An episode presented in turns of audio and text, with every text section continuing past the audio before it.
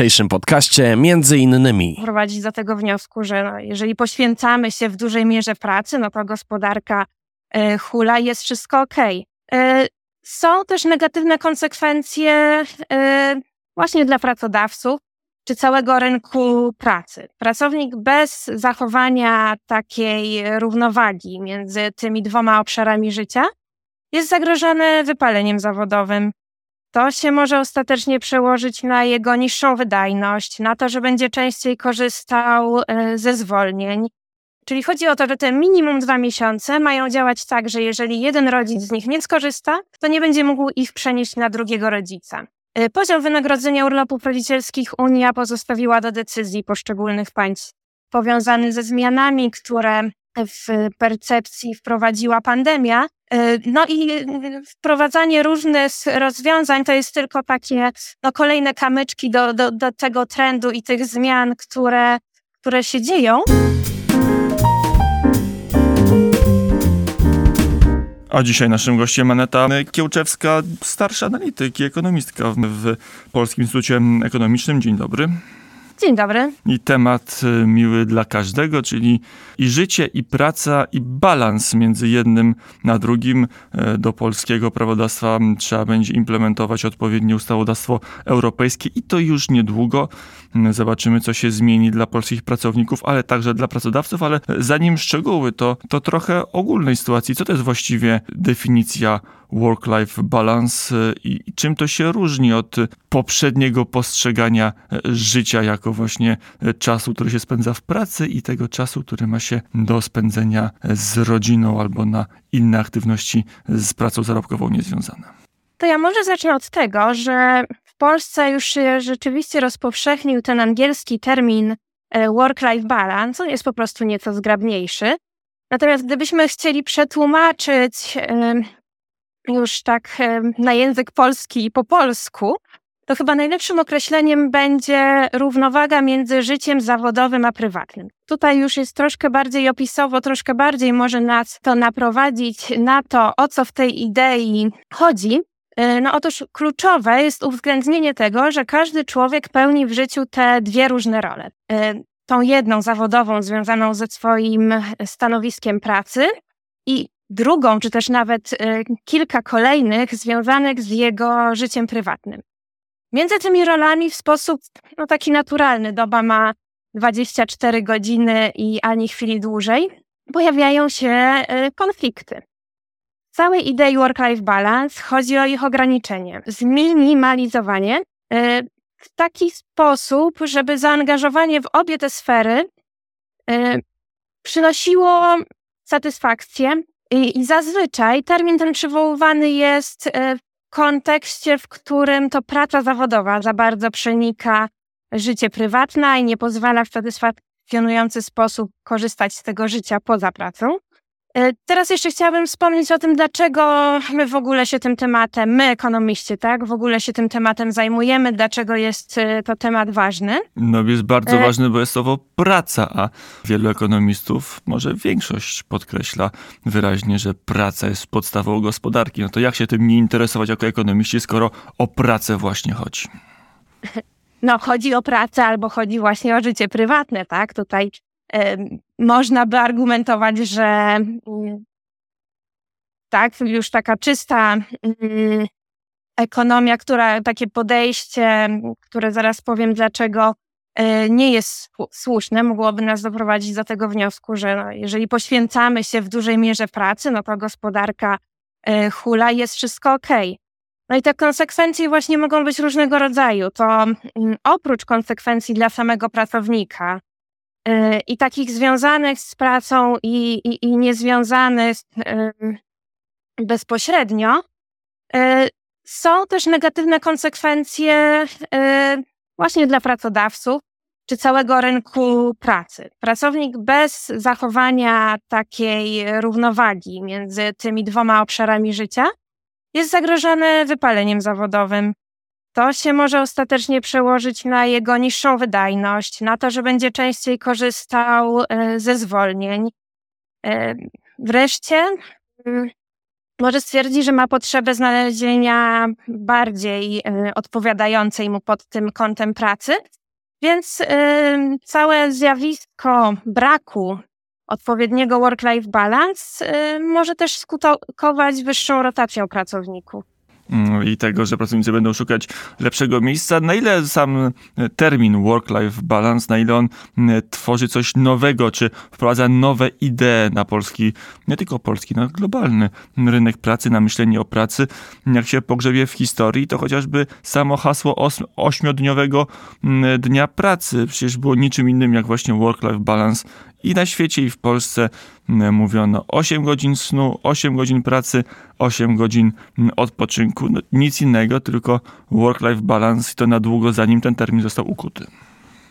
Tak, Unia Europejska e, zajmuje się tematem work-life balance już od jakiegoś czasu. Wprowadziła dyrektywę, która w Polsce została niedawno implementowana. Te przepisy obowiązują od 26 kwietnia. Pełna nazwa dyrektywy Work-Life Balance, my tak w skrócie na nią mówimy, to dyrektywa w sprawie równowagi między życiem zawodowym a prywatnym rodziców i opiekunów. Także tutaj też przez Unię Europejską zostało zauważone, że szczególnie narażonym na zaburzenie tego work-life balance są opiekunowie.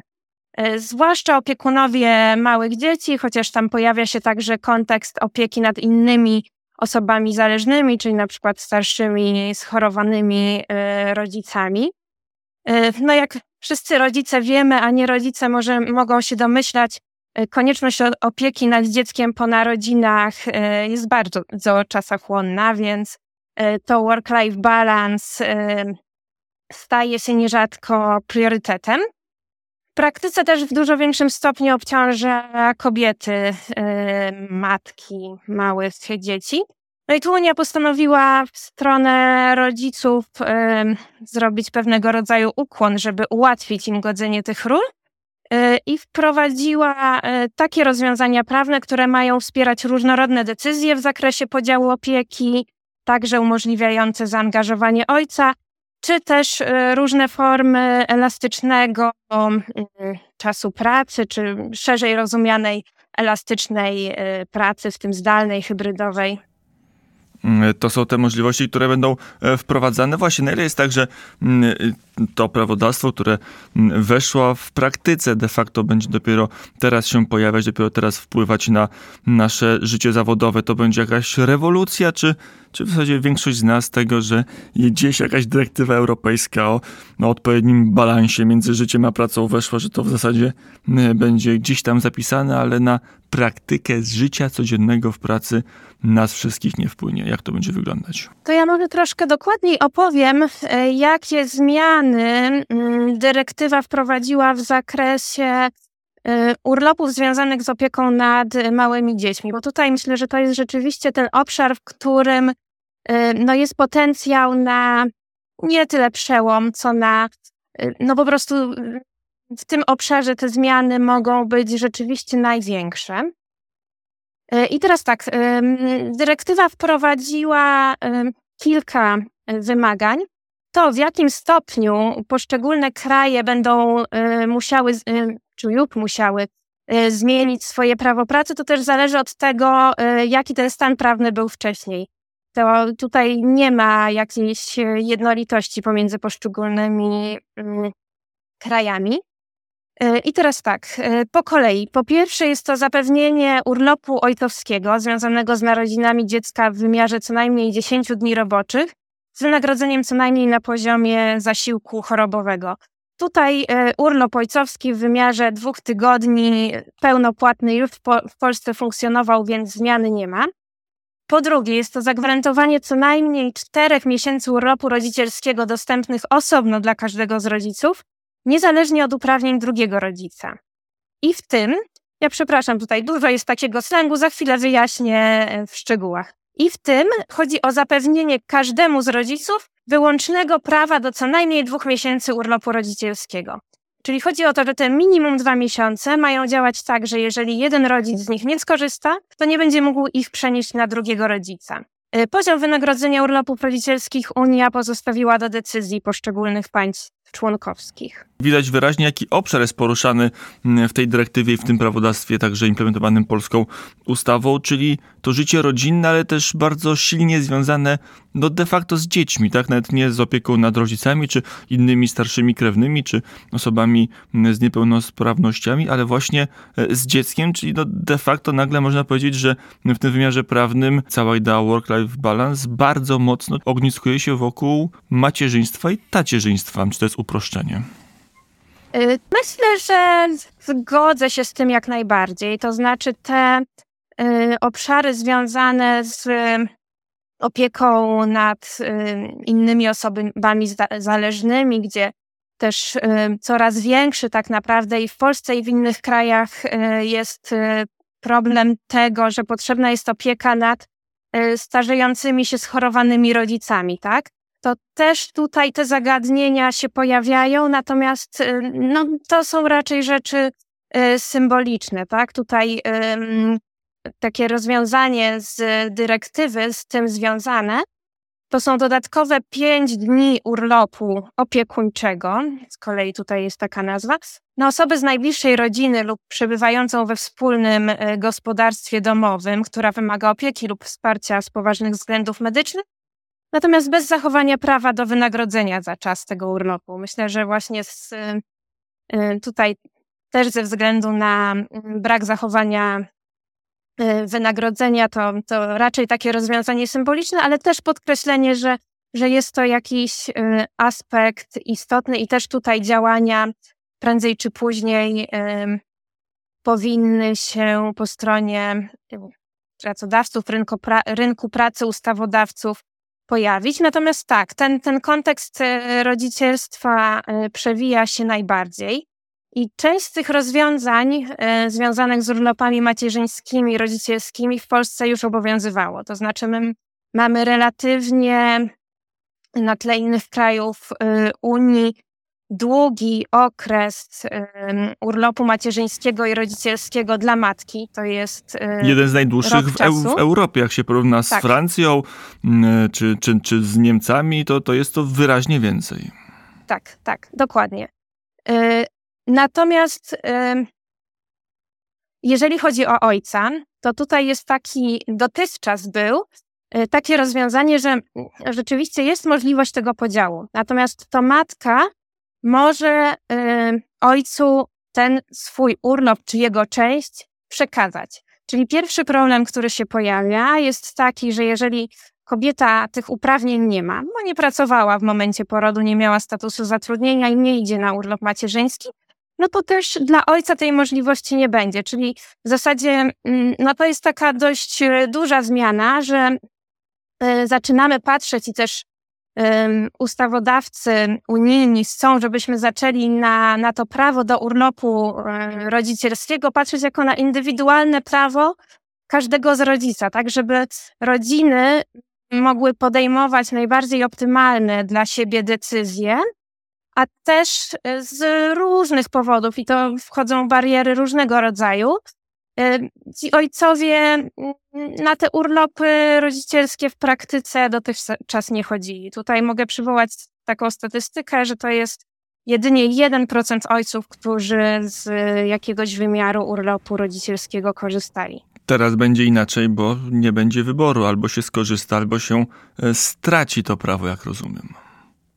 Y, tak, tak. To jest właśnie druga część tego rozwiązania. Mm, tutaj w Polsce zostało wprowadzonych do, dokładnie dziewięć tygodni y, nieprzenoszalnego, czy też niezbywalnego urlopu rodzicielskiego dla każdego rodzica, czyli tak, to jest ta zmiana dla ojców mm, do tego roku czasu, który domyślnie powiedzmy był dla matki, teraz y, do podziału.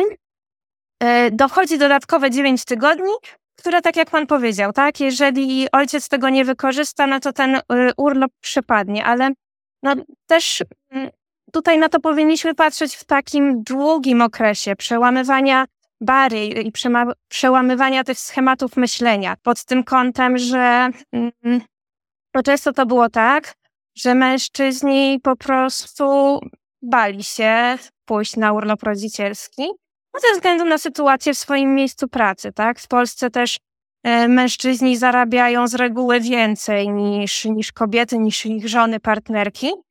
Więc e, no, ta stabilność zatrudnienia mężczyzny i jego dochody mm, to jest e, z perspektywy mm, całej rodziny często bardzo ważny punkt.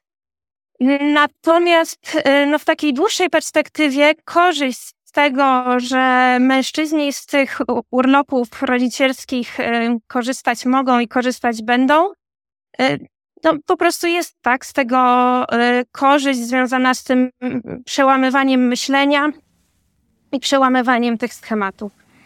Mm, to teraz od tej bieżącej regulacji, to to się zmieni w tej chwili, przejdźmy jeszcze na chwilę do przyszłości. Jak się rozmawia w środowisku ekonomistów, ale też osób, które zajmują się mm, szeroko pojętym życiem społeczno-gospodarczym, o przyszłości, o dalszych elementach wdrażania no idei, tak to nazwijmy, work-life balance, bo przynajmniej tak się uważa powszechnie, pokolenia, które w tej chwili wchodzą na rynek pracy, no jeszcze bardziej oczekują tego, żeby mieć więcej i czasu, to na czas, na, na więcej czasu na rozwój osobisty, na życie prywatne, ale też, żeby praca nie była tak stresująca, nie była takim obszarem, który wymusza, czy, czy jest źródłem stresu, jak to dalej będzie się rozwijać, jakie są pomysły na agendzie. No tutaj temat jest y, zdecydowanie wielowątkowy, więc teraz y, po pierwsze, żeby y,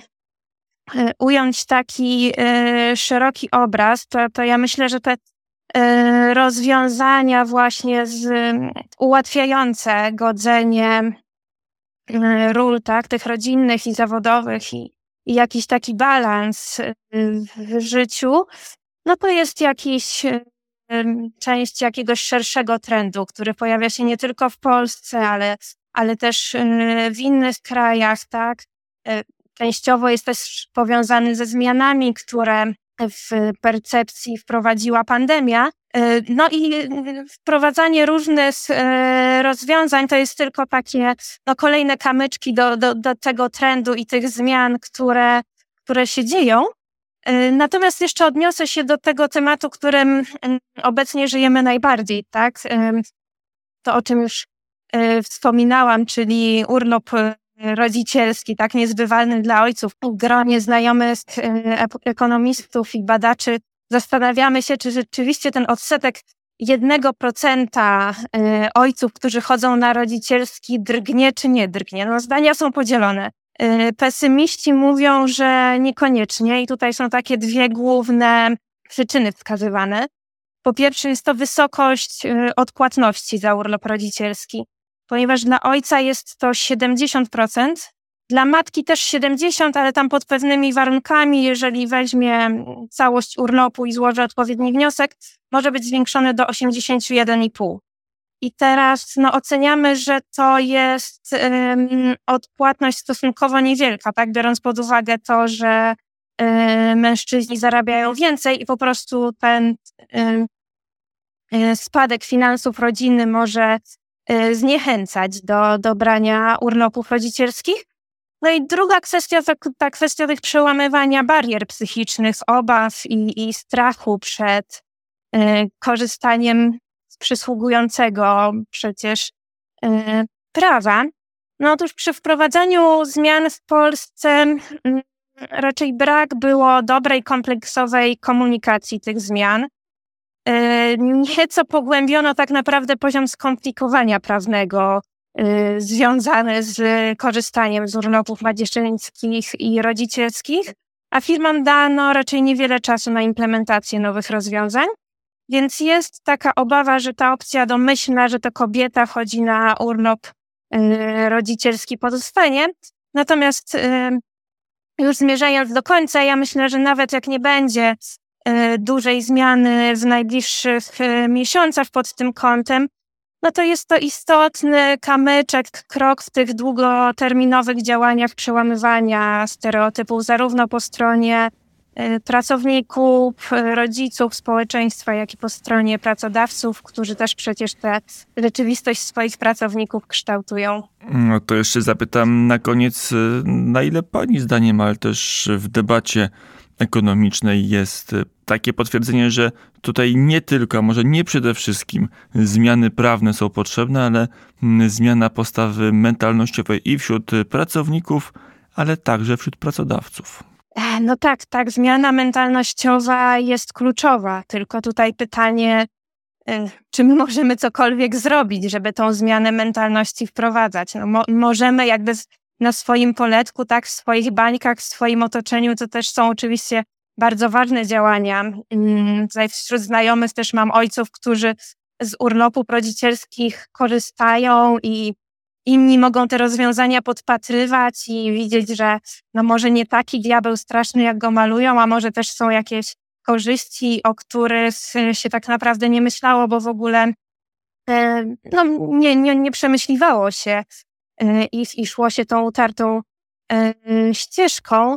Natomiast e, no ja myślę, że ważny jest ten aspekt, że w momencie, kiedy my, mm, czy państwo jakieś rozwiązania wprowadza, no to nie oczywiście od razu, tak, ale w tym długim okresie to też e, na zmianę mentalności może mieć wpływ, tak? Taka normalizacja przez po prostu zwiększenie częstotliwości korzystania z pewnych rozwiązań.